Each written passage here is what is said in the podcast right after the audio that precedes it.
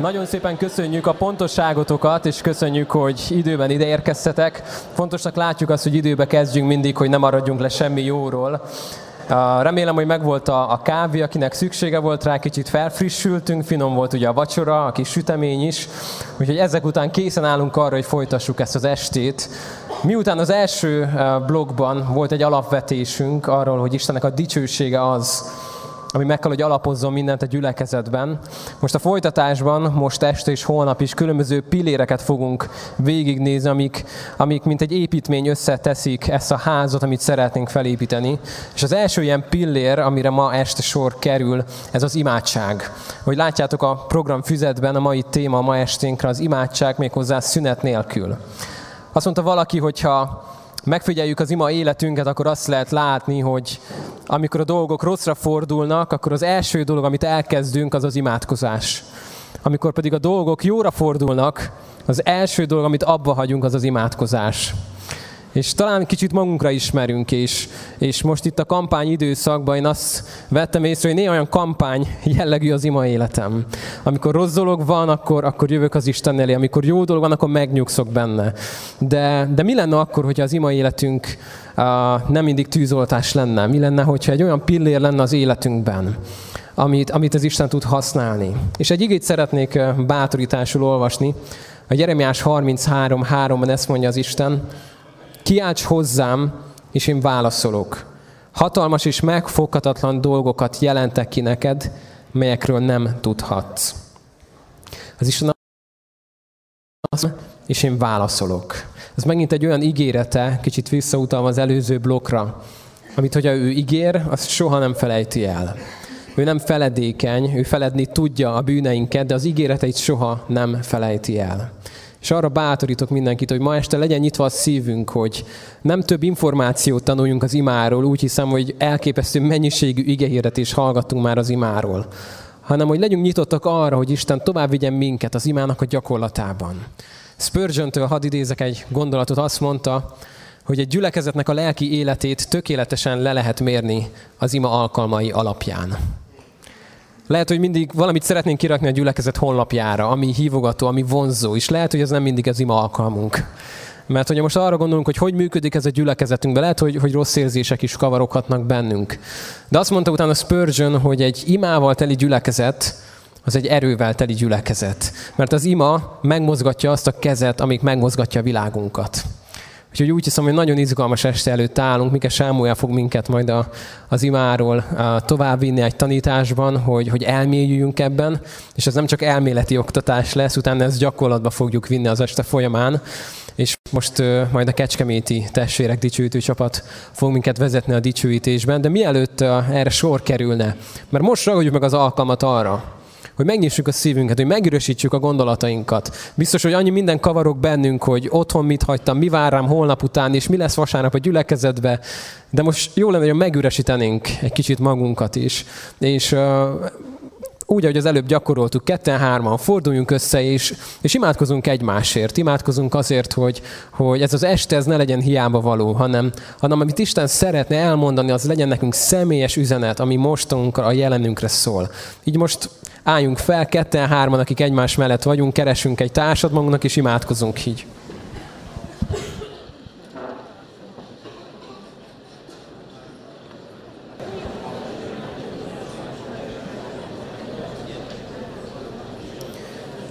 Isten, köszönjük azt, hogy lehetőségünk van arra, kiváltságunk van, Uram, arra, hogy, hogy téged megszólíthatunk, Uram, és annyira vágyunk arra, hogy taníts minket ebben, hogy taníts minket ma imádkozni.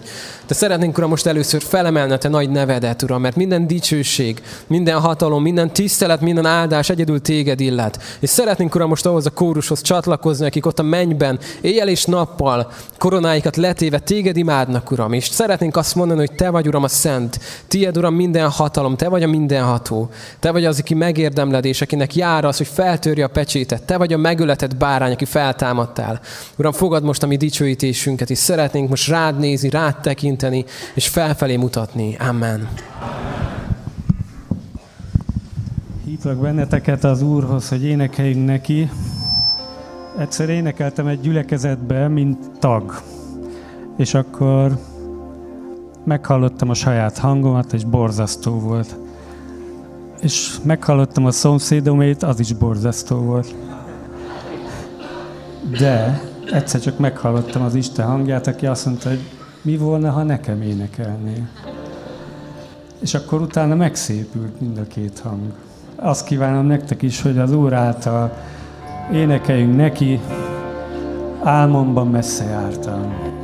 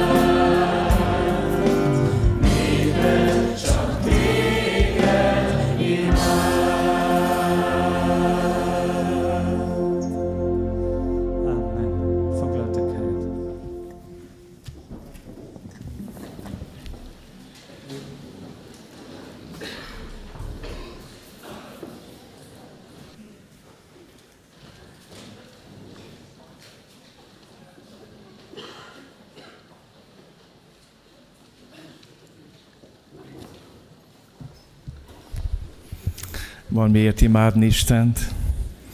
Hogy végignézek a dicsőítő csapaton, nem tudom, láttátok azt a férfit, aki itt állt a szószék mögött. Kevesen tudjátok, hogy 20 évi alkoholizmus után szabadult meg, majd hónap a szájharmonikát is meghalljátok. Egy nagyon jó szájharmonikás a Viktor. És emlékszem arra, amikor Isten őt megszabadította, és felragyogott az arcán Isten dicsősége. Nincs szebb, amikor Isten dicsősége fölragyog egy ember arcán, aki jön a bűneiből, a megkötöttségeiből, erőtlenségeiből. Az Úr Jézus mindig erre vágyik. Valahányszor bement a templomba, a zsinagógába, mindig azért jelent meg, hogy az ő dicsősége betöltse ezt a helyet. És Jeruzsálemi templomba bement, és mindenfélét látott, és nagyon el volt szomorodva azon, amit látott. Egy zsibvásárt rendeztek be a zsidók a pogányok udvarába, és mikor Jézus oda bement, akkor kitakarított ezt az udvart elég drasztikusan és radikális módon. Mindenkivel az őt megillető nyelven beszélt, a marhákkal, a marha nyelvén, és úgy mindenkivel szépen ki, ki takarította a templomot, és a végén azt mondta, hogy nem tudjátok, hogy ez én házam imádság háza, ti pedig rablók barlangjává teszitek. És uh, érdekes, hogy amikor kitakarodott a templom, akkor megjelent Isten dicsősége. Az igaz azt mondja, hogy bejöttek a gyerek, elkezdtek magasztalni Istent. Megjelent a dicsőítés, az imádat a templomban. Amikor kitakarodott a templom, jöttek a betegek, és elkezdtek gyógyulni, és szólt az evangélium. És az imádság háza, imádság háza lett. A keserves felismerésem volt 2016. januárja előtt, hogy az a neve az épületünknek, hogy imaház. Imaház.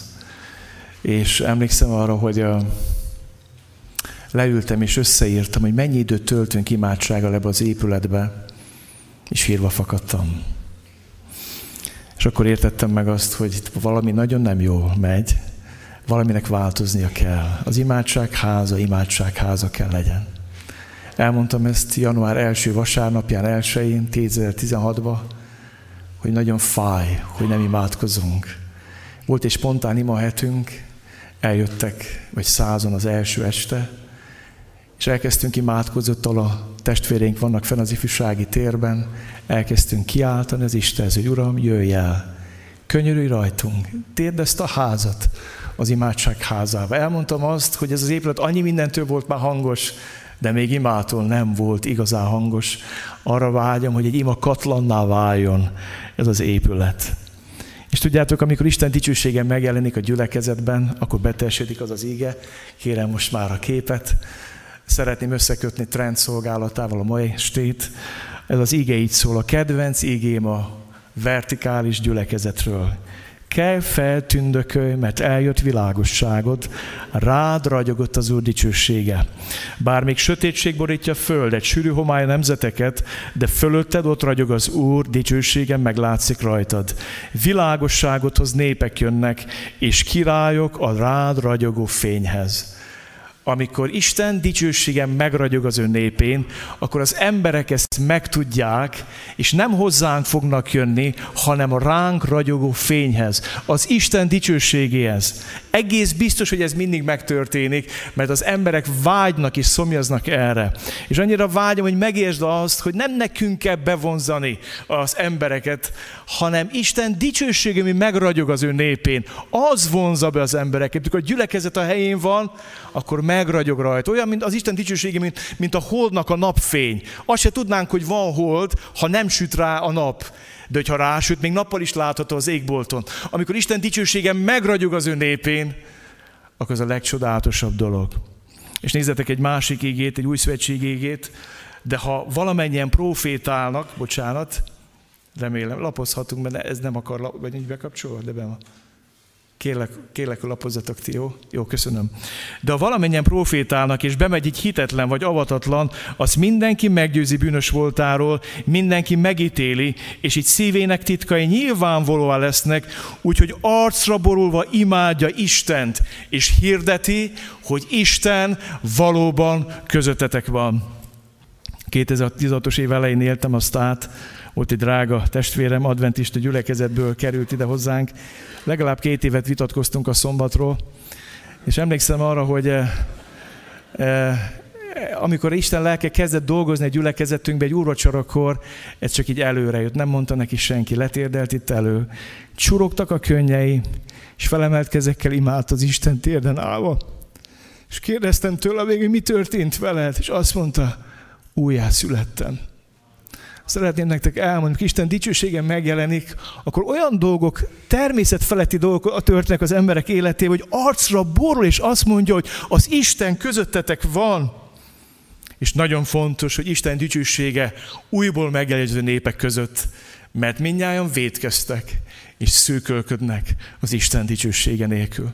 Hadd mondjam nektek, az emberek lelke úgy van kitalálva, összerakva, hogy beleillik az Isten dicsősége, és szűkölködnek enélkül, és ezért olyan fontos, hogy megjelenjen hogy már Barnabás mondta a következőkben, a következő alkalmakon négy dologról lesz szó, ami munkálja Isten dicsőségét a gyülekezetben, az imádság szünet nélkül, az igényhirdetés megalkuvás és félelem nélkül, a tanúságtétel félelem nélkül, és imádat szégyen nélkül. Én az imádságról szeretnék szólni nektek, és bele is vágunk, imádság szünet nélkül. Azt tapasztalom, hogy az imádság az egyik legellenmondásosabb terület az életünknek, és az első aximit szeretnék elmondani, az Isten központú imádság az első lépés az Isten központú gyülekezet felé. Még egyszer mondom, az Isten központú imádság az első lépés az Isten központú gyülekezet felé. Olyan jó, hogy Barnabás már idézte ezt az égét, én most csak megismétlem, megismétlem onnan, hogy kimondja, ezt mondta az Úr, aki a földet megalkotta, az Úr, aki azt formált és megerősítette, az Úr az ő neve, kiálts hozzám, és én válaszolok, hatalmas és rejtett dolgokat jelentek ki neked, amelyekről még nem tudsz. És itt jön be az, hogy sok ellenmondás van az ima életünkben. Az egyik terület, hogy sokat tudunk a szükségességéről, talán legtöbbet tudunk az imádságról, mégis nagyon keveset gyakoroljuk. Egy nagyon ellenmondásos állapot ez. A másik ellenmondás, hogy nagyon sok az ima szakértő a gyülekezetekben, de kevés az imádkozó. És nekem egy vágyam van ma este, én nem szépen fogok nektek itt prédikálni, nagy tudományos előadást tart az imáról.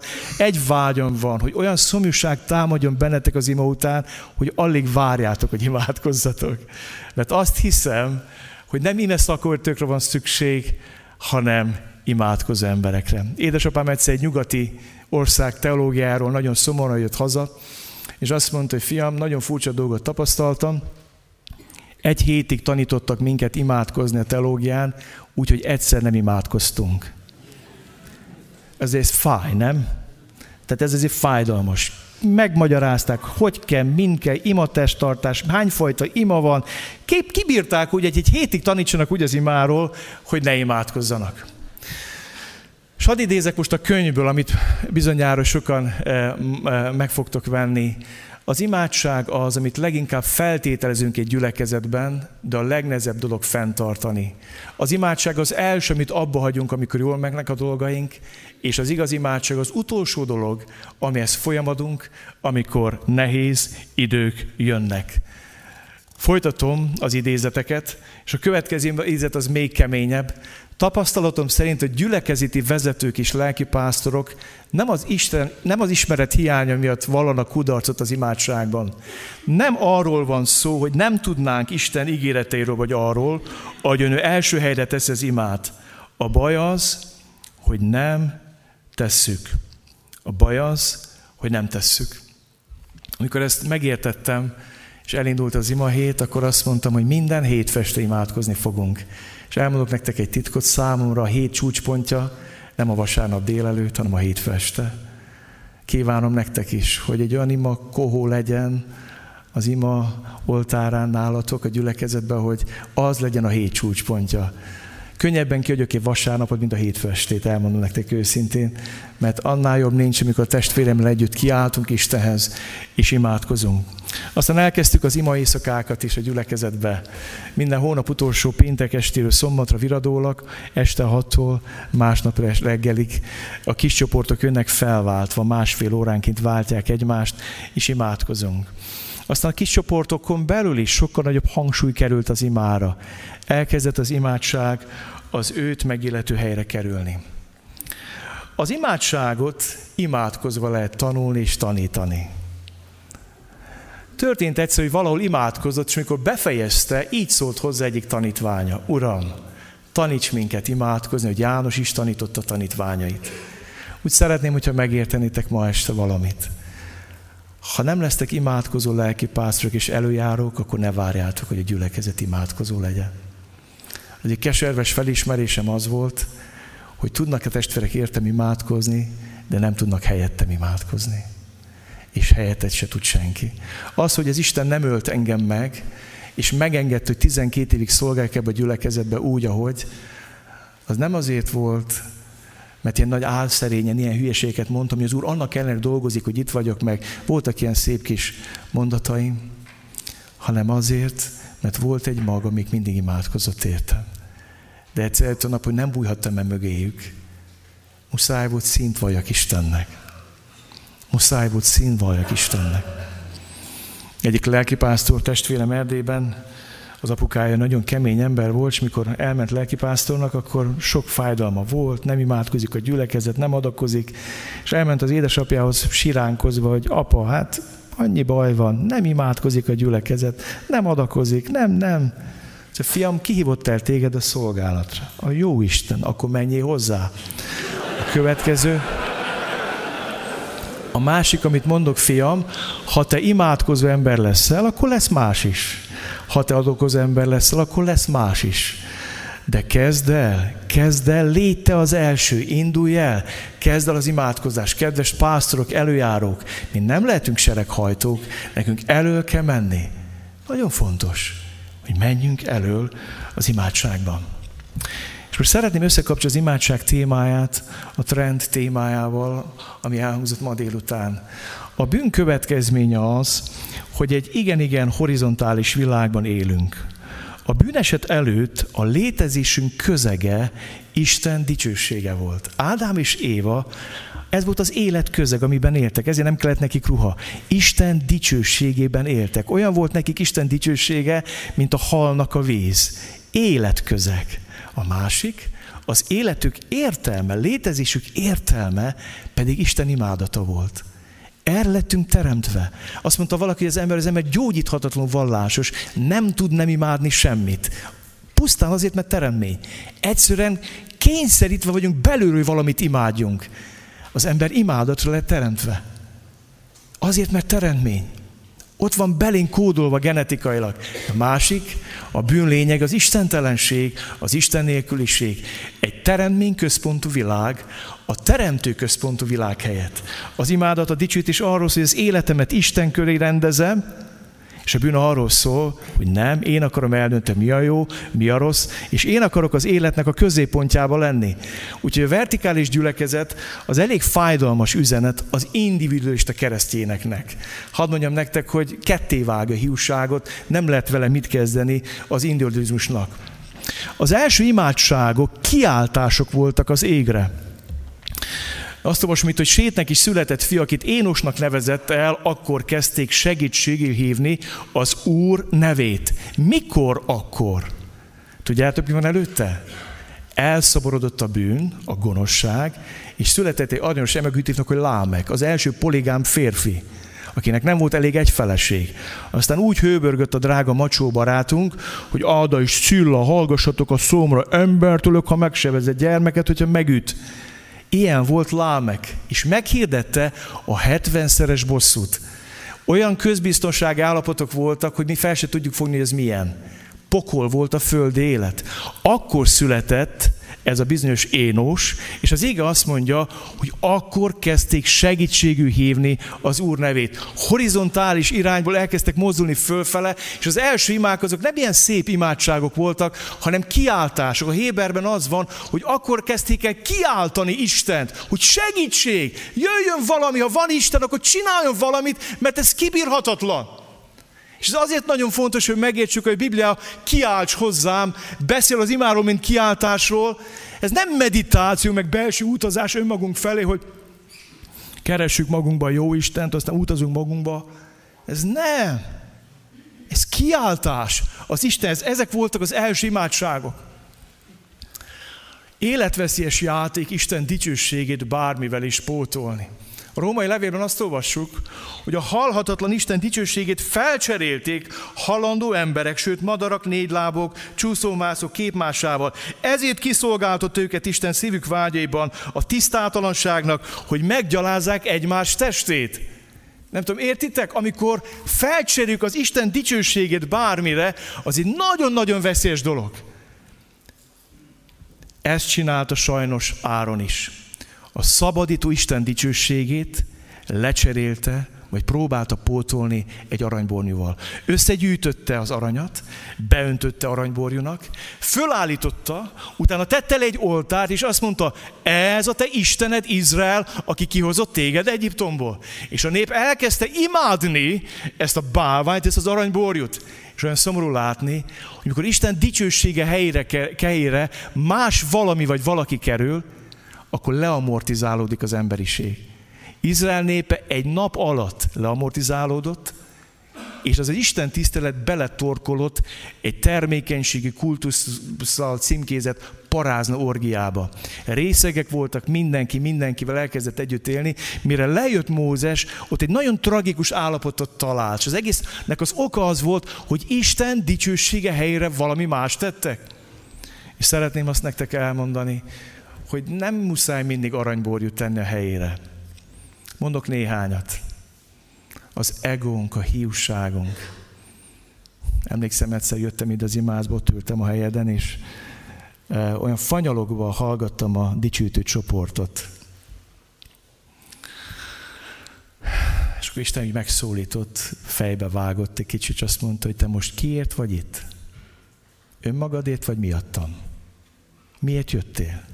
Nem veszed észre, hogy még most is magadat imádod, a saját zenei stílusodat, a saját zenei ízlésedet? Nem veszed észre, hogy még most is magad körül forogsz? És nem érdekelt, hogy ki mit gondol. Letérdeltem ott azon, és azt mondtam, Uram, bocsáss meg. És elkezdtem kiáltani Istenhez minden dicsőítő csoporté, és egy, egyformán szeretem őket, és mindegyikre áldást kívánok. De szeretném elmondani nektek, amikor Isten dicsőségét lecseréljük formákra, tradíciókra, hagyományokra, a saját egunkra, hiúságunkra, pénzre, szokásokra, ott van például az érckígyó. Nagyon jó volt akkor, mikor Mózes felállította, de később be kellett zúzni, be kellett darálni, mert oda került Isten dicsőségének a helyére. És kedveseim, addig Isten dicsősége nem jön el, amíg nem számoljuk fel azt, ami azt kiszorította. Az a nagy kérdés, hogy lehet kijönni ebből a helyzetből? Az első lépés, amit olvasok itt, az a gyász. Azt mondja Isten Mózesnek, bemégy a tejel és mézzel folyó földre, de én nem megyek veled, mert kemény akú nép vagy, és elpusztítálak az úton. Most nézzétek meg, amikor meghallotta a nép ezt a kemény beszédet, gyászolni kezdett. Kedveseim, tudjátok mi a fájdalmas a mai gyülekezetekben? Hogy úgy vesztettük el Isten dicsőségét, hogy észrevettük. És nem is fáj. Ez a tragédia, hogy nem fáj. Hogy nem tudunk gyászolni. Képzeld, azok a zsidók, lehet, hogy még kisgatjában voltak, meg részegek, de a másnapos zsidó, amikor meghallotta Mózestől azt, hogy Isten azt mondta, hogy nem jön velünk, egyből kihozanodott. Egyből kihozanodott. És elkezdtek gyászolni, mert tudták, hogy az az Isten, mikor megjelent, akkor volt a tíz csapás, akkor volt az ítélő angyal, akkor volt a tenger ketté válása, akkor volt manna, akkor voltak főrek, akkor volt vízfakasztás. Nagyon jól tudták, ha Isten nyilvánvalóan köztünk van, akkor van minden, de ha nincs, akkor gyász. Az első lépés a gyász. Kedveseim, nagy szükség van erre. Hogy a gyülekezeteink, amikor felismerik Isten jeleitének a hiányát, elkezdjenek kiáltani Istenhez. Fájjon az Isten hiánya. Fájjon az Isten jeleitének a hiánya, mint ahogy fájt akkor a népnek. A második lépés az Isten központú imádság. Trent már mondta, ha nem jön velünk a te orcád, akkor ne vigy tovább bennünket. Ez különböztet meg engem is a te népedet minden más néptől a föld színén. Ha te közöttünk vagy és velünk vagy.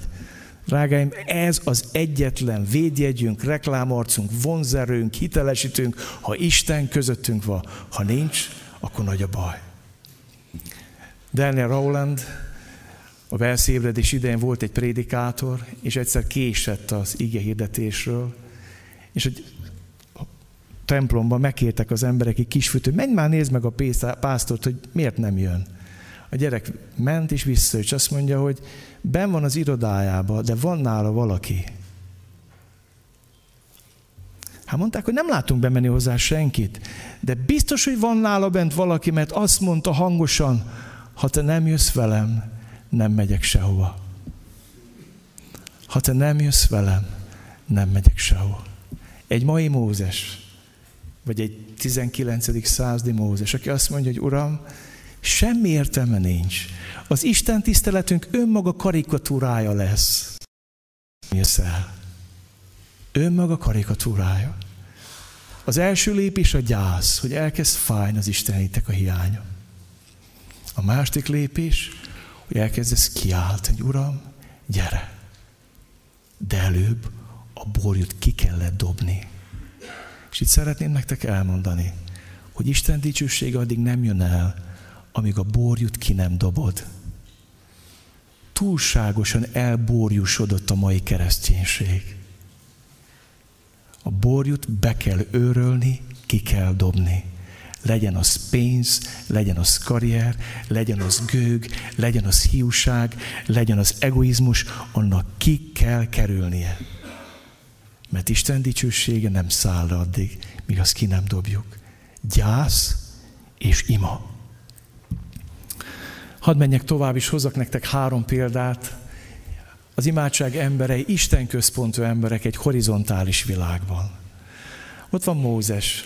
Izrael nép egy elég horizontális nép, maradjunk annyiba. Mit tegyünk? Mit ígyunk? Unjuk a mannát, utáljuk. Kéne egy kis hús. Miért hozták ki minket? Itt halunk meg. Ismerős? Tehát ismerősek ezek a mondatok. Ez tiszta, nagyon szellemi és magas reptű, ugye? Tehát igazi szellemi gondolkodás. De ezek a mindennapi, és mindig ezzel jönnek, ezzel jönnek. Maradtunk, maradtunk, volt, haltunk meg ott. És emlékezzetek arra, amikor kiküldi Mózes a 12 kémet, és visszajönnek, és a 10 elkeseríti az Izrael népét, akkor van egy érdekes dolog. Józsi és Káleb azt mondják, hogy nem, nem kezünkbe adja, de ők nem fölázították a népet, és azt mondják, hogy meg akart a nép kövezni Mózest, Józsuét és Kálebet. Csak érdekes dolgot csinál Mózes. Letérdel a földre, arcra borul, és mit csinál? Megjelenik az Isten dicsősége. És Isten azt mondja, Mózes, hadd pusztítsam el ezt a népet. Téged beviszlek, azt hagyjuk őket itt, nem bajlódjunk itt vele. És akkor Mózes, tudjátok mit mond? Mire appellál? Isten dicsőségére. Mit fognak mondani az egyiptomiak? Hogy kihozni képes voltál őket, de bevinni már nem? Tehát nem az fáj neki, hogy jaj, jaj, megbántottak, meg akarnak kövezni, hanem az fáj neki, hogy mit fognak mondani az egyiptomiak kiről? Istenről. Érted? Érzékeny vagy Isten dicsőségére? Mindennél fontosabb ez neked. Mózesnek az volt. Egy horizontális világban, egy vertikális ember volt. Istennel élő kapcsolatban. Ott van Anna, benne ez fokozatos alakult ki. Na, az aztán egy horizontális világ volt. Három mondatot mondok arra a világról. Egy horizontális társadalom, azt mondja a bírák könyve, mindenki azt csinált, amit akart, mert nem volt király Izraelbe, úgyhogy mindenkinek az volt, amit ő annak tartott. Vannak ilyen gyülekezetek, hajaj. Vannak. Ez az individualista kereszténység. Mindenki azt csinál, amit akar. És mindenkin az a jó, ami neki jó. Nem lehet így. Na, Anna egy ilyen társadalomban élt. Aztán, hát egy elég horizontális egyházban, meg gyülekezetben élt. Az Anna idején volt egy aranyos főpap, Éli, aki már elég öreg volt, és volt két fia. És ezek tudjátok, mit csináltak? Erőszakoskodtak a sátorba, és elvették az áldozati húst nyersen. Visszaéltek az áldozati törvényekkel. És a Biblia azt mondja, a nép megutálta az áldozatot, az Istennek szóló áldozatot. A másik, amit csinálnak ezek a fiúk, bocsánat, kuplerát csináltak a Szent Sátorból. Ott paráználkodtak a templomi személyzettel. Képzeld el, egy ilyen korban hív embernek lenni. Félelmetes. A harmadik, hát elég horizontális volt a családja is. Két feleségének, és képzeld el, mindig úgy kellett menni, nem, már, már, már, már szíve szakadt meg. Mikor mentek Silóba, azt mondta, hogy nem megyek többet. Miért? Mert akkor mentek, Pennina állandóan, bocsánat, szivatta, piszkálta, állandóan cukkolta. Mert olyankor részt kellett osztani, ajándékot. És mivel neki nem volt gyereke, hát nem kaphatott annyit, mint akinek volt gyereke. És még Penninál még tett is rejlapáta, és úgy élte meg, hogy neki minden Isten tisztelt egy késforgatás a szívébe. És Anna mégis elment. Mégis elment az Isten tiszteletre. És egy ilyen teljes lezülött világban, családban, gyülekezetben, társadalomban oda megy, és elkezd imádkozni. És csak mondja, és mondja. És az elején ez egy horizontális ima. Adj nekem gyermeket, meghalok, adj nekem gyermeket. De egyszer történik valami.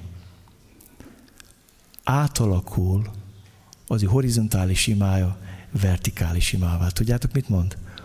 Hadsz nekem egy gyermeket, azt egész életére neked fogom adni. Tudod, mit jelent ez? Istenem, adj nekem egy gyermeket, neked. Adj nekem egy gyermeket, neked. És képzétek el, Anna imája megváltoztatta Izrael történelmét. Született egy olyan gyermeke, akin keresztül Isten elkezdett dolgozni, és nagy dolgokat tett. De ott indult el minden. Az imádság, az Isten központ ima, az nem más, mint amikor ráhangolódsz arra, hogy azt kérd, amit Isten egyébként is készül cselekedni. Isten az ő népével. És Anna egy ilyen ember volt. Aztán ott van Illés, aki a Kármel hegyén nem azt mondja, hogy jöjjön tűz, hadd tudják meg, hogy nekem van igazam. Jöjjön tűz, hadd tudja meg ez a nép, hogy te vagy az Isten, és én a te parancsodra tettem ezt. Az imádság emberei, Isten központú emberek egy horizontális világban. És szeretnék most tovább menni az új szövetségre, és hozni nektek a tanítványokat példaként elétek. Nagyon érdekes. Mint hogyha lenne egy párhuzam az Áron története és a tanítványok története között. Megmondom, hogy miben látom a párhuzamot. Isten dicsősége eltávozott Izrael népétől, és Mózesnek ez elkezdett fájni, és ezért elkezdett kiáltani Istenhez. Most János azzal kezd az evangéliumot, hogy az ige testélet közöttünk lakott, és láttuk az ő, mondjuk, dicsőségét, mint az Atya egyszülöttjének dicsőségét telve kegyelemmel és, és igazsággal.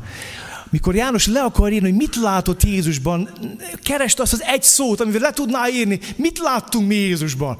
Az Isten dicsőségét. Az Isten dicsősége eljött közénk, megjelent köztünk. És azt mondja János, hogy testélet itt lakodott köztünk, és mi ezt láttuk. És ott éltünk vele három éven keresztül, hallottuk, tapintottuk, érintettünk, itt volt köztünk az ő dicsősége. És egy szép napon azt mondta nekünk, hogy nem menjetek el Jeruzsálembe, míg nem fel nem ruháztattok erővel. Aztán azt is mondta nekünk, hogy nekem adatott minden hatalom menjen és földön, menjetek el, tegyetek tanítványá minden népet. És akkor ezeket elmondta Lukács és a Máté szerint, akkor mit csinált? Elment. És itt hagyta őket tíz napig. És a tanítványok átélik azt, hogy milyen az, amikor eltávozik tőlük Isten dicsősége. Érdekes, hogy Jézus nem parancsolt, hogy zárkózzatok be és tíz napig imádkozzatok, mert tudta, hogy fogják csinálni. Tudta. Képzétek el, hogy milyen elementális erővel szakjat rájuk a Jézus hiánya. Hogy mennyire elkezdtek szenvedni attól, hogy nincs köztünk. Hogy nincs jelen köztünk. És az a tíz nap, tudjátok mi volt? Tíz napos kiáltás, vágyakozás, sóvárgás az Úr Jézus után. Bizonyára azt mondták, hogy Jézus nem tudjuk ki az a szent lélek, azt tudjuk, hogy te ki vagy. Egy dolgot tudunk, hogy nagyon hiányzol és nagyon fáj. És az is biztos, hogy az a tíz nap alatt nagyon sokféle kapcsolatot rendeztek. Én nem tudom, hogy érkeztetek ma ide, hányféle konfliktusból, nem tudom, milyen a kapcsolat előjáróság, lelkipásztor között, hogyan érkeztetek ma ide, mennyire szeretitek egymást, mennyire van köztetek egység, mennyire kiáltotok együtt Istenhez, mennyire imádkoztok együtt Istenhez. Jöttök, mint a tanítványok, egyik neheztel a másikra, Simon, te megtagadtad Jézus, aztán kiéleződtek a konfliktusok köztük. János, meg Jakab, te mindig nagyok akartatok lenni. Miért? És ott hagy őket Jézus magukra, hogy tudják meggyászolni a hiányát, hogy fájjon a hiánya. Mindig mondtam azt, Úr Jézus, nem lehet egyszerűbb, hogy te bész, Szentlélek jön. Ilyen meleg csákányváltást, ugye? De nem. Hanem azt látom, hogy ott hagy őket tíz napig ebbe az állapotba, hogy megtanulnak imádkozni. Hogy Isten központúva váljanak, hogy vertikálisan váljanak. Isten sokszor azért vonja meg tőlünk a jelenlétét, mert nem adja magát a bűneinkhez, nem adja magát a lázadásainkhoz, nem adja magát a szép programjainkhoz, mert az nem az ő dicsőségét munkája. És azért hagy minket magunkra, hogy elkezdjen fájni a hiánya, hogy elkezdjünk kiáltani hozzá, és kérni, hogy Uram, segíts, könyörülj rajtam. Tíz napig kiáltanak az Istenhez. És de jó, jön a válasz. Tíz nap múlva kiárad a Szentlélek. És már hallom, jaj, jönnek az okos teológusok. Pünköst egyszer és megismételhetetlen. Hallottátok már? Az egyszer volt a történet, az kész, befejeztük, bezártuk a bótot. Ma már csak ilyen karót nyelt kimért Istenünk van, meg gyülekezetek, hát mi az, hogy pünkösd az egyszer volt. Biztos? Mindjárt megnézzük. De szeretném még egyszer elmondani, erre nagyon nagy szükség van a gyülekezetekben. A felházra. Nekünk ott van fenn, az a mi kicsi felházunk. Nektek van? Van felházatok, ahol imádkoztok, kerestek az arcát, szomjazzátok őt, kéritek őt, kiáltotok hozzá? Ezt tették. Ezt tették a tanítványok. És ezt kell nekünk is tenni. Nézzétek meg, hogy néz ki egy Isten központú ima. Elkezdik hirdetni az evangéliumot, megtér három ezer ember, aztán megtér majd öt, de Pétert és János beidézik, és megfenyegetik, hogy megtiltjuk nektek, hogy annak az embernek a nevébe beszéljetek. Megtiltjuk. Aranyos Péter, olyan bölcs. Hát a papoknak mi a dolga? Hogy kire mutassanak? Kire? Istenre. És azt mondja Péter, figyelj ide. Hát te pap vagy, nem? Neked tudni kéne, hogy kinek kell inkább engedni. Istennek vagy? Embereknek. Akkor én mondom neked, mint papnak, hogy inkább Istennek fogunk engedni, mint Értitek a logikát? Befenyegetik őket, utána ők mennek az övékhez. Ez az első. És elmondják, mi történt. És nézzétek meg a gyülekezet reakcióját. Most pedig, Urunk, tekints az ő fenyegetéseikre, és add meg a te szolgáidnak, hogy teljes bátorsággal hirdessék igédet, nyújts ki a kezed, te kezedet gyógyításra, hogy elek és csodák történjenek, a te szent szolgád Jézus neve által. Amint könyörögtek, megrendült a hely, ahol együtt voltak, megteltek minnyáján szent lélekkel, és bátran hirdették az Isten égéjét. Ó, de várom az én Isten tiszteleteket. Szomjazom. Érted? Pünkös csak egyszer volt. Hát lapoz két azt azt látod, hogy ismételgetik ők a pünkösdöt. De van itt valami érdekes. Nem tudom hányszor van ott, hogy Urunk, te teremtetted, te mondtad, a te szolgádnak, a te szent szolgád. Most pedig, Urunk, tekints az ő, hoppá, itt van egy kis különbség a bevetített eh, szöveg között, az ő fenyegetéseikre, nézd meg, és add meg a te szolgáidnak. Nyújts ki a te kezedet, a te szent szolgád. Hol van itt az én? Hol van itt a mi? A mi programunk, a mi karrierünk, a mi istentiszteletünk, a mi, az én gyülekezetem, és semmiért mit nem lát. Te, te, te. Kedveseim, még egyszer mondom, nem akármilyen ima teszi a gyülekezeteket vertikálissá, az Isten központú ima fogja elhozni az Isten központú gyülekezetet belepusztulunk és belehalunk az individualizmusunkba, és abba, ami beszivárgott a kereszténységbe. Az én, az ego, az én, a mi. Ebbe halnak bele a gyülekezeteink. Végre ki kell mozdulnunk ebből, és kerelnünk, keresnünk az ő dicsőségét, és így kell imádkozni, Uram, a te, a te kezedet nyújts ki. Megrendült a hely, megteltek minnyáján szent lélekkel. De nagy dolog. Eljött Isten dicsősége. És hozom az Úr Jézus imáját. Nézzétek meg, mi atyánk, a mennyekben vagy. Szenteltessék meg a te neved. Jöjjön el a te országod. Legyen meg a te akaratod. Aztán szó van a kenyérgondjainkról, a bűneinkről, a kísértéseinkről, ugye? És a szellemi támadásainkról, meg a rendezetlen kapcsolatainkról, erről van szó, de a végén, mert tiéd az ország, a hatalom és a dicsőség. Isten központú imádság. Isten központú imádkozó emberek. Gyülekezete, a vertikális gyülekezet. Hív minket Isten arra, hogy így imádkozzunk. És úgy szeretném, a végén, de nem utolsó sorban. Hozni ide nektek a mi szabadító megváltunkat. Mielőtt azt hinnéd, hogy a kiáltás karizmatikus hóbort, a Biblia a kiáltások könyve. Tudjátok, ki tanított engem kiáltani Istenhez? Ninive királya. A Biblia azt mondja, hogy Nónás prédikált, Ninive meg hit kinek? Nem Jónásnak, hanem Istennek, így mondja. Jónás prédikált, Ninive hit Istennek. zsákrába öltöztek, mikor ezt a király meghallotta, rendeletet hirdetett, és azt mondta, a nép apró nagyja szóljon a hamut a fej, öltözön zsákba, és érdekes dolgot kér. Kiáltsanak teljes erőből kihez? Az Istenhez. Utána azt mondja, térjen meg mindenki maga gonosz útjára, és jön a harmadik pont, hagyjon fel mindenki a gonosz tetteivel. Hát elmehetett evangélistának. Egy pogány despota, egy diktátor azt mondja, hogy kiáltsanak teljes erőből Istenhez, térjen meg mindenki a gonosz útjáról, és hagyjon fel gonosz tetteivel. Kiáltása könyve. Jézus kiáltása. Én a zsidók között levélből tudtam meg azt, hogy mit csinált Jézus éjszakákon át. Olvastuk, hogy kiment egyre imádkozni, egész éjszakát. Azt hogy egyet tudjuk a Gecsemáni kertben mit mondott. Mondjuk a, a főpap imájában. De a többit nem tudjuk. De itt betekintést nyerünk. Azt olvassuk, ő testi élete idején könyörgésekkel, esedezésekkel, hangos kiáltással és könnyek között járult az elé, akinek van hatalma arra, hogy kiszabadítsuk a halálából és meghallgatott Isten félelméért, jó lett ő a fiú szenvedéséből megtanulta az engedelmességet. Az Isten fia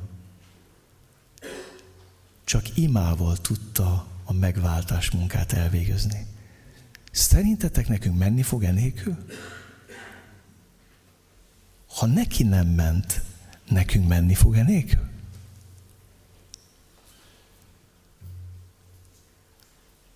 Mai kereszténység azért csuklik össze a báványok előtt, és rogyik össze, és csúszik, mászik a báványok előtt, mert nincs térd az Isten előtt. Megtanultam egy dolgot, a bálványimádás legnagyobb ellenszere az Isten imádat. Hogy letérdesz, leborulsz, az egód, a hiúságod, a nagy képűséged, a büszkeséged megsemmisül a kereszt alatt.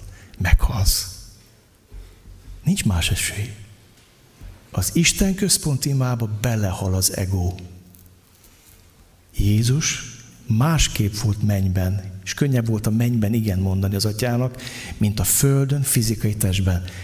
Könyörgések, esedezések, hangos kiáltások, könnyek között járult, és meghallgattatott. És a Gecsemáné kertbe arcra borult, és végig talpon maradt az ördög előtt. Kedveseim, akkor lesz a mi egyházunk olyan, amit Jézus mondott, felépítem az egyházamat, csak pokolkapu és sem fognak diadalmaskodni rajta, akkor letérdelünk az egyház úr előtt, és megengedjük, hogy ő építse az egyházat belőlünk, és ne építsük az ő, a mi egyházunkat abból, amit mi szeretnénk. Amikor oda borulunk elé, Két képet hozok, és egy történetet, és aztán imádkozni fogunk. Ez visszaadja nekem az mai tanítást, a gyülekezet áramszedője. Itt láttok egy villanyos mozdonyt, aminek nincs saját erőforrása motorja, nem dízelmozdony, mögötte egy gyönyörű vasúti szerelvény. És van felette egy úgynevezett áramszedő, ez egy kicsi rugós szerkezet, ami a mozdony képes nagyon kicsi. Gyerekkorom mindig gyönyörködtem, mert mikor ezt a csápot úgy kezdték felem, és akkor csattant egyet, még szikrázott hogy felízottak a motor, hallottad, hogy dolgozik a mozdony, beindul. És hadd mondjam nektek, hogy ez nagyon hiányzik a gyülekezetekről, ez az áramszedő. És ha nincs áramszedő, a vonat áll egy helyben. Nem megy sehova. Márpedig a vonatot arra tervezték, hogy valahonnan valahova eljutassa az embereket, nem? Nem? Az egyház arra lett tervezve, hogy a sötétségből a világosságra, a halálból az életre, a sátán birodalmából Isten országba jutassuk az embereket. De mivel nincs áramszedő a mozdonynak, áll a vonat egy helybe. És tehát mit csináljuk? Vixoljuk a vagonokat, légkondit szerelünk bele, kellemes muzsika, berendezők étteremnek, múzeumot csinálunk belőle. Ilyen A38-as hajó gyülekezetek sok van ma a világon, hogy átalakítjuk más célra. De akkor nem fognak az emberek megszabadulni a pokolból. És kedveseim, amíg nem lesz áramszedő a gyülekezeteinknek, addig a vonat állni fog egy helybe. Nincs más. A gyülekezetnek nincs saját erőforrása. A laudécék azt hitték, hogy van. Meggazgatottam, nincs szükségem semmire. Ja, emlékeztek rá? És azt mondja Jézus, te vagy a nyomorult, a szánalmas és a szegény, és a mezitelen. Nincs semmit, mert én nem vagyok. Az a gyülekezet, nincs áramszedő, az áll egy helyben. Az imádság az az áramszedő, amivel rácsatlakozunk a Szentlek erőire, és Isten mozgásba hozza, lendületbe hozza a gyülekezetet. Egy másik kép a gyülekezet fűtőháza. Elég kemény tél volt az idén, nem tavaly, jó, tavaly, amikor itt volt már, olyan hideg volt, mínusz 20 fok. És emlékszem, hogy csikorgó hideg volt, két csapkával mentem imádkozni, mert nagyon hideg volt. És emlékszem arra, mulatságos lehetett, de ami nagyon érdekes volt, hogy a fűtőházban dübörgött a kazán, és be, kemény 20-21 fok volt. Most kérdem én tőletek, a fűtőházba szoktuk a konferenciát, jó lett volt tartani. Azt mondtam, gyerekek, most 400-an megyünk a fűtőházba, nem? Ott fogunk konferenciázni. De ha most a kazán nem dübörögne, akkor fáznál el, hiszed? És aki mínusz 20 fok lenne, még meg is halhatnánk itt benn, olyan hideg lenne. Nem tudom, érted? A fűtőház a legkevésbé látványos hely az épületben. Nem is olyan szép. Nem. De kihagyhatatlan. Ha szeretnétek meleget, a Szentlélek melegét, az evangélium erejét, megtérőket, szabadulásokat a gyülekezetbe, gyújtsatok be a fűtőházba. Rakjátok a kazánt, égjen a tűz. Szeretnék nektek egy emberről szólni, akinek az ima élete az elmúlt karácsonykor megérintett. Valaki kezembe nyomott ajándékba egy könyvecskét, Jim Szimbalának egy könyvét, az a című Friss szél, friss tűz. Azt hiszem, hogy Amerika egyik legimádkozóbb gyülekezetnek a pásztora. Leírja a könyvében, hogy ő egy lelkes amatőr volt, nem végzett teológiát, elvette pásztor feleséget, az apos meg rábeszélte, hogy vállalni kis gyülekezetet Brooklynban. És hát Brooklyn az egy elég nehéz vidék. És a, a, a gyülekezetén 20-30 tagú volt, és már akkor kezdték szétszéledni a nyáj, és nagyon nagy bajok voltak a gyülekezetbe, és mindent megpróbáltak tenni, de nem ment. És azt mondja Szimbala, hogy egyik Isten tiszteleten öt perc után rosszul lett, és nem tud prédikálni. És azt mondta, testvérek, nem tudom mi van, csak azt érzem, hogy itt borzasztó dolgok történnek, nem tud prédikálni. Gyertek, imádkozzunk. Akkor történt valami. Mind a húsz ember kijött, letérdelt a földre, és elkezdtek keservesen sírni és kiáltani az Istenhez.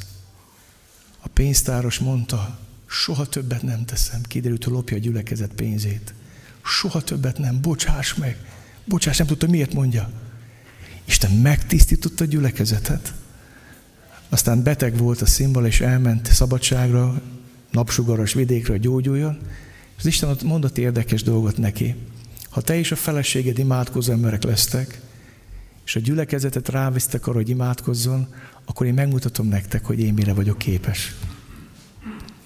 Amikor hazajött a szabadságról, kérdezték, hogy hogy vagy szimbala testvér, hogy telt a szabadság, nézzétek meg, mit mondott.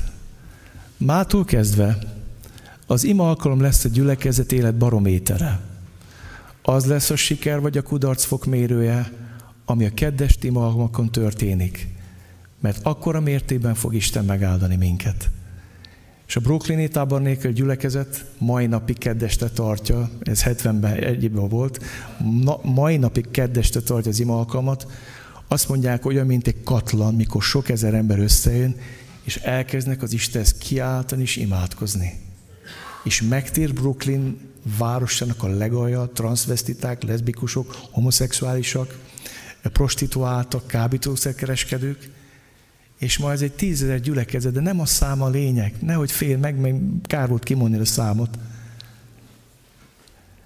Hanem az, hogy a kedves tíma alkalom a fokmérő. És érdekes dolog történt, ez belentett a gyülekezetbe, ott volt egy ezer idegen, akivel akkor találkozott életében először és utoljára. És mondta, hogy szeretné valamit mondani. A testvér felállt, csak következőket mondta. Egy gyülekezet népszerűségét azon lehet lemérni, hogy kik járnak vasárnap délőtt Isten tiszteletre. Egy pásztor népszerűségét azon lehet lemérni, hogy kik járnak vasárnap esti Isten tiszteletre. De Jézus népszerűségét azon lehet lemérni, hogy kik járnak az ima alkalmakra. Lehet, hogy fáj, mit mondok, vagy imádkozó gyülekezetek leszünk, vagy meghalunk. Nincs más lehetőség. És a gyülekezeteket Jézus hagyja meghalni, ha nem töltik be a küldetésüket. Vagy imádkozó emberek leszünk, vagy meghalunk. Nincs másik lehetőség. Így kezdtek el imádkozni a gyülekezetbe, Isten lelke kiárat, a feleség úgy zongorázik, hogy nem tud kottát olvasni, úgy dalokat, hogy nem tud kottát írni, kívülről tanulja meg a dalokat, és tanítja be.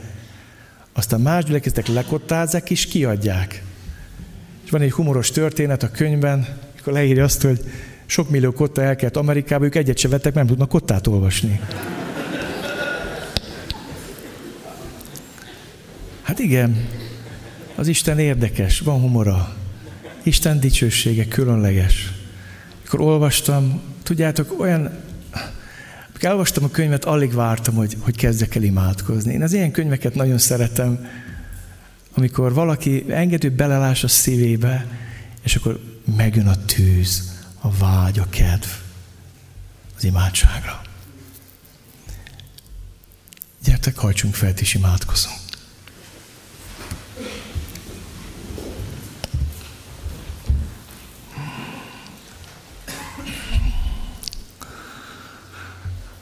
Tudom, hogy nagyon sokan vagyunk itt a teremben. Azt is tudom, hogy túloldalt is sokan vagyunk ott az ifjúsági térben. Mégis azt kérem tőled, ha Isten lelke beszélt ma hozzád, és rámutatott arra, hogy elhalt az ima életed. Rámutatott arra, hogy a gyülekezeted nem egy imádkozó gyülekezet. Rámutatott arra, hogy imádkozol, de az imáid nem is teszpontúak. Mondja Jakab, parázna férfiak, kívántok, amit nem, akar, nem kapjátok, mert csak saját kedvteléseitekre kéritek, mondja Jakab.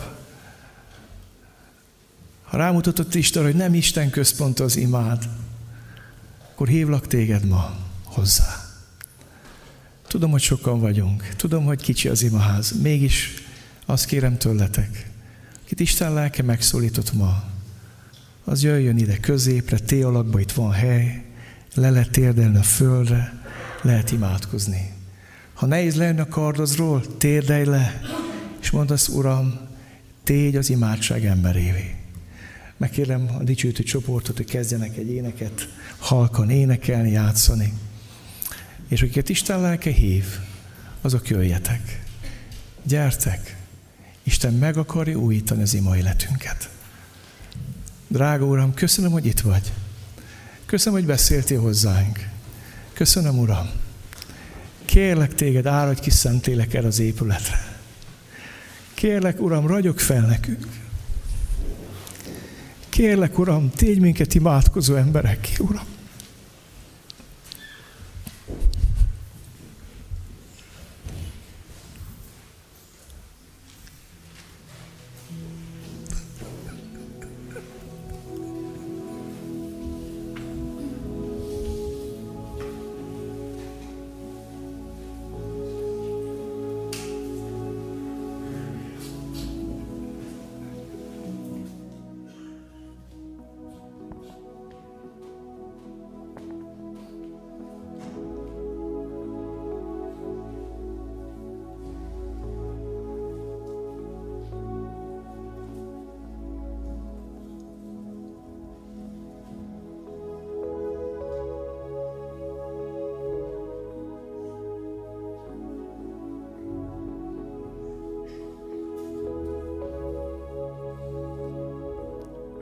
Ifjúsági térben vagy, ott is előre lehet menni.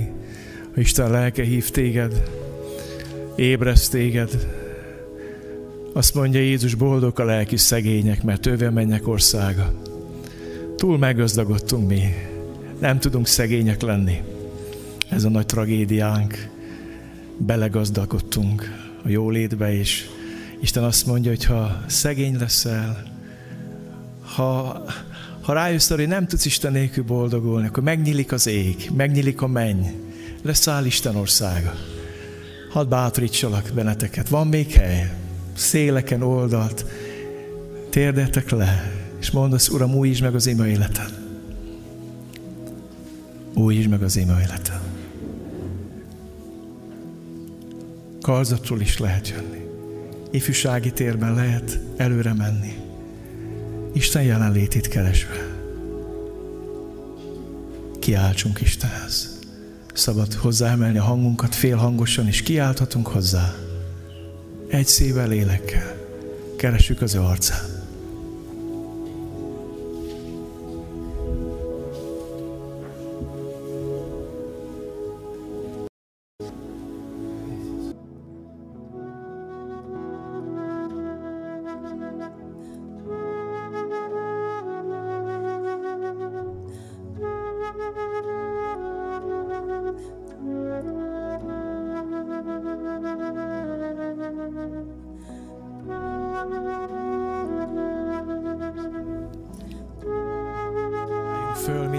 Álljunk föl. Az első dolog, amiért imádkozni fogunk, az a személyes csendesség, személyes ima élet. Jézusról olvassuk azt, hogy éjszaka hajnalba kiment keresni az Atya arcát, akaratát. Kérlek, hogy kettesével, hármasával imádkozzatok a személyes ima életetek megújulásáért. Kiáltsunk Istenhez. Uram, újítsd meg a veled való kapcsolatom intim szféráját a személyes csendesség, az Isten való kapcsolatodnak az intim szférája. Mondd azt, hogy segíts, Uram, újítsd meg a személyes csendességem. Gyertek, imádkozunk első körben a személyes ima életünk megülásáért. Imádkozunk.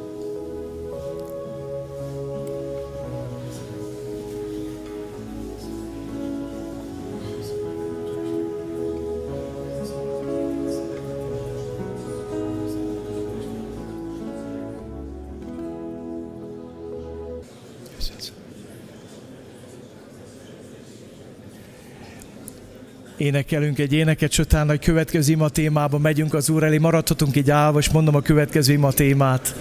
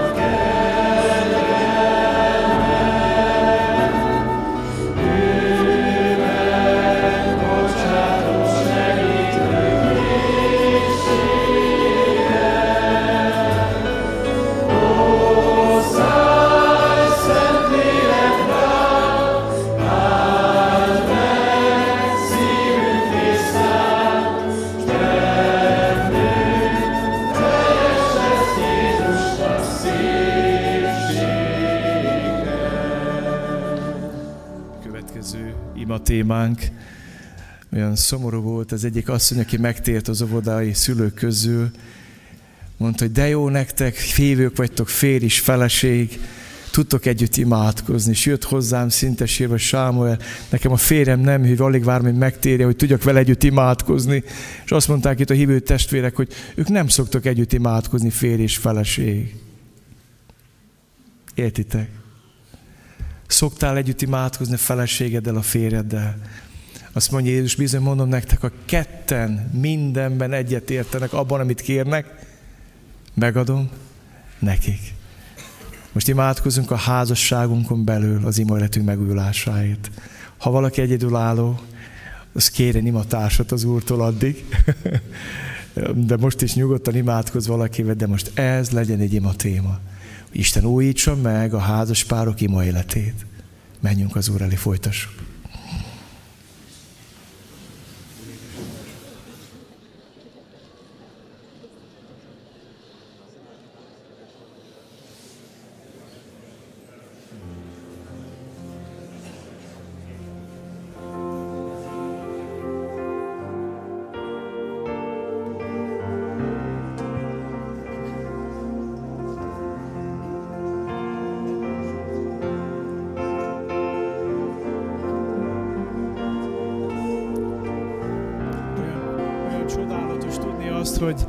Jézus ajtót nyitott nekünk a mennyi atya szívéhez. Milyen kiváltság, hogy minden reggel vár minket, ami mennyi atyánk, hogy beszéljünk vele, hogy megszólítsuk őt. A szentek szentje többé nincs elzárva. Szentje több nincs elzárva,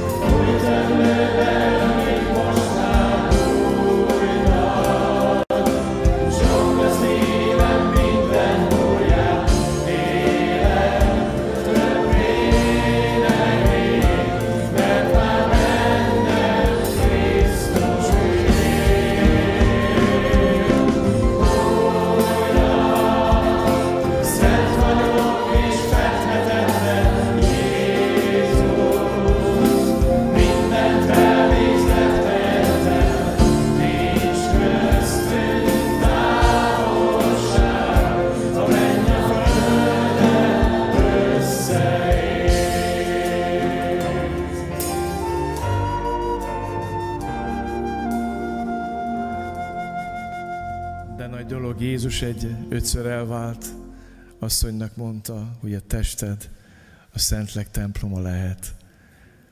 Hogy uh, lélekben és igazságban dicsőítetted az atyát, imádhatod, hogy benned, a te testedben összeérhet a menny a földdel.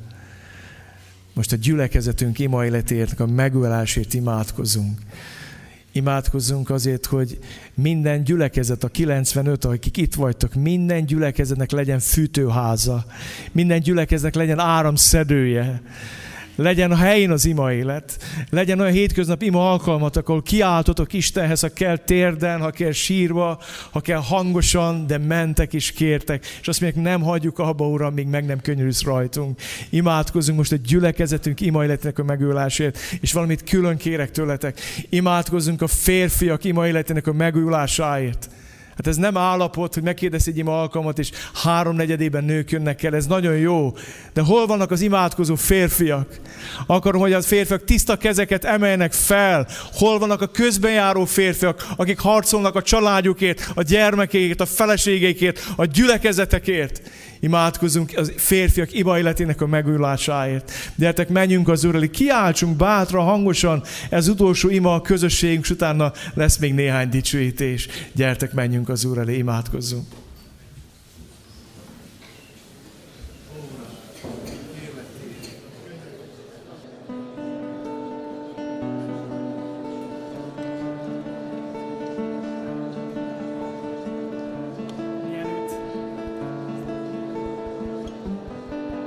Mielőtt énekelnénk még néhány éneket, elmondok nektek egy örömöt.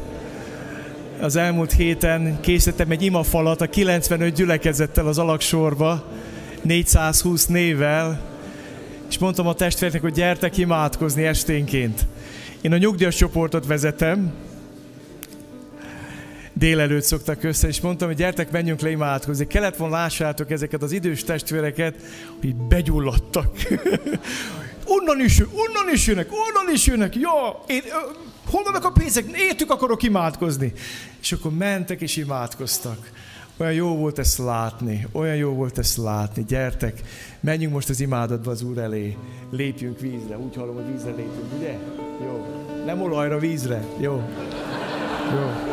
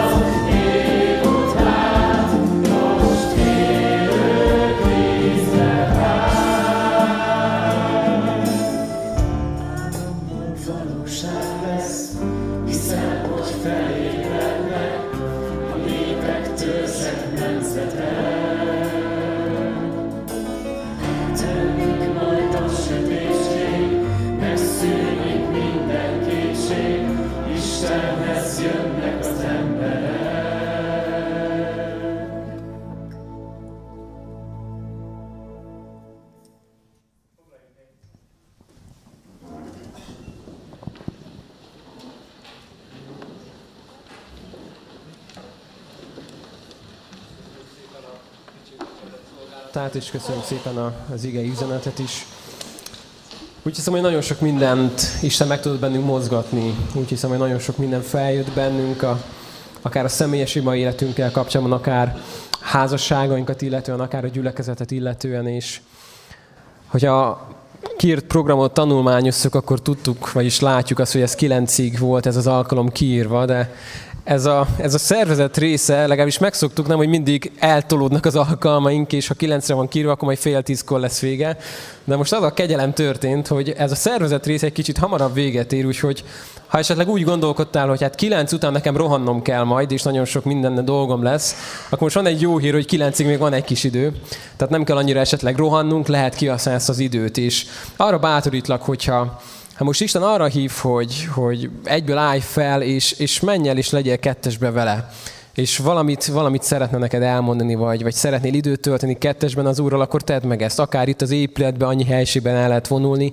Viszont ha arra bátorít az Isten, akkor én javaslom is azt, hogy használjuk ki a közösségnek azt az erejét, hogy tudunk egymással beszélgetni. Meg tudod kérni a másik testvért, akivel jöttél, vagy, vagy egy ismerőst, hogy figyelj, folytassuk ezt az imát. Lehet, hogy vége lett a hivatalos ima alkalomnak, de gyere, imádkozzunk a gyülekezetünkért, mert ezzel küzdködünk, hogy imádkozz a házasságomért, kérlek.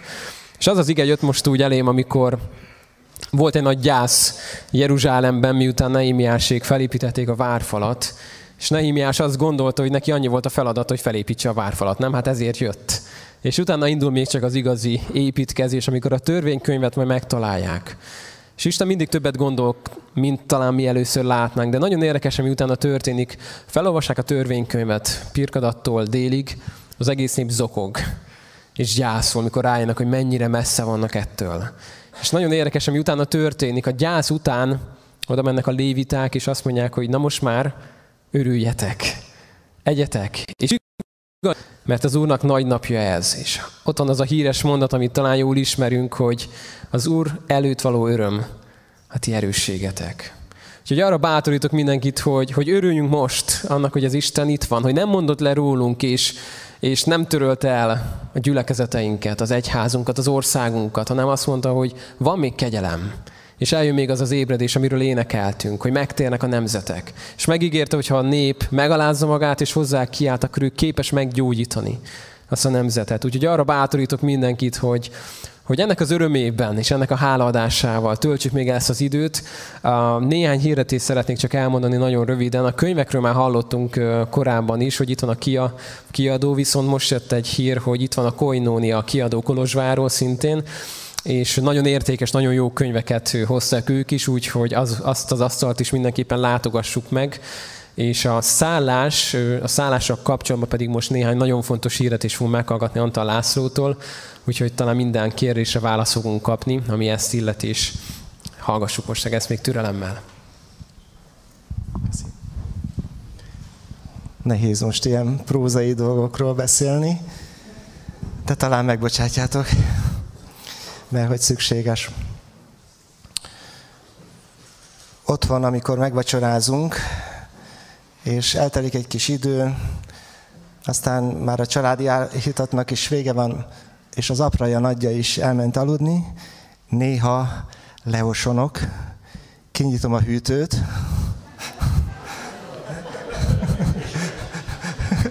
és üres. Szóval jó hírem van, most nem üres a hűtő, hanem aki esetleg ilyen érzésekkel, ilyen gondolatokkal is van itt, annak jó hírem van, hogy az alaksorban van lehetőség még ételt fogyasztani. Friss kenyeret sütöttek nekünk, zsírral, vajjal, hagyma nem lesz. Akkor sok hely lenne holnap. És még az esti vacsorából is van, tehát szeretettel várunk benneteket. Most már csak az alaksori rész marad étkezésre, de tényleg akinek van ilyen vágya, lehetősége, akkor ezzel éljetek, és lehet még étkezni. Ezt azért is mondom, mert utána kerültök szállásra, hotelekbe, kollégiumba, családokhoz, ők, ők tőlük már nem fogtok különösebb módon újabb vacsorát kapni, ott hiába mentek le a hűtőhöz is. Viszont reggel, finom reggeli vár mindenkit, majd mindjárt részletezem, hogy hogyan. Akkor a szállásról. A szállásadók egyrészt a gyülekezet tagjai, nagy szeretettel várnak benneteket, még pedig én 9 órára kértem, hogy jöjjenek ide, tehát beszéljük most meg azt, hogy 9-kor itt a nagy teremben találkozunk. Tehát akik az olyan papírt kaptak, hogy gyülekezeti tagnál vannak elszállásolva, őket arra kérem, hogy jöjjön ide 9 órára, és a Vajdáné Anita és a Pordán Nikoletta, akik a szálláson sokat dolgoztak, ők lesznek majd itt, és ők elmondják, hogy ki kihez kerül. Reggelizni a szállásadó családoknál fogtok, és majd várunk benneteket vissza ide 9 órára. A második nagy csoportja a szállásnak a kollégiumi elhelyezés. Akik a kollégiumba kerültök, azt szeretnénk kérni, hogy a bejelentkezési lapot töltsétek ki, amit kaptatok a regisztrációkor, tehát a neveteket, címeteket írjátok föl, mert ezt le kell adni, és ennek ellenébe fogtok kulcsot kapni a szobához. Aztán azt is szeretném mondani, hogy most este a kollégiumba előről lehet bemenni. Tehát ugyanott, ahol a vacsora volt, csak az első bejárat lesz használatos, és ott tudtok bemenni, és akkor el lehet foglalni a szobákat. A kollégiumban száll, elszállásoltaknak a reggeli itt lesz az imaház épület alaksorában, de csak nekik, jó? Tehát a kollégiumi elszállásoltaknak fél nyolckor itt az alaksorban reggeli lesz, várjuk őket szeretettel, és itt tudtok reggelizni. A harmadik nagy csoportja a szállásadóknak a hotelek, négy hotel áll rendelkezésünkre.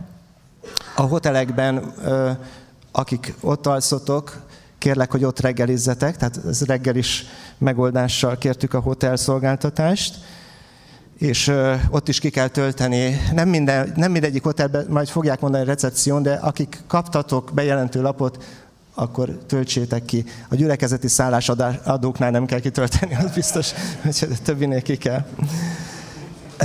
Egy, egy olyan információt is szeretnék mondani, hogy egyébként a parkolás a városban ilyenkor ingyenes, tehát ha, már ha találtok parkolót, nem kell, nem kell érte fizetni ünnepnapokon, tehát ahol tudtok a hotel közelébe parkolni, ott parkoljatok. És az Udvarház Hotel esetében van egy mély garázsos parkoló, ott szobánként egy gépkocsi ingyen parkolhat, keressétek meg ennek a módját és a lehetőségét. Ha valaki szállás nélkül marad, az hozzám jöjjön. Megpróbálunk neki szállást adni. És még annyit szeretnék tőletek kérni, hogy a kitűzőt, azt holnap is hozzátok magatokkal. Nem tudom, technikai értelemben van valakinek kérdése? Igen? Bocsánat. Szállás nélkülieknek nem tudunk reggelit biztosítani. Jó? Igen, köszönöm a kérdésedet. Tehát akik, akik elutaztok, jó utat kívánunk, és holnap 9-re várunk benneteket, illetve egy pogácsát, kávét tudunk reggel nektek biztosítani.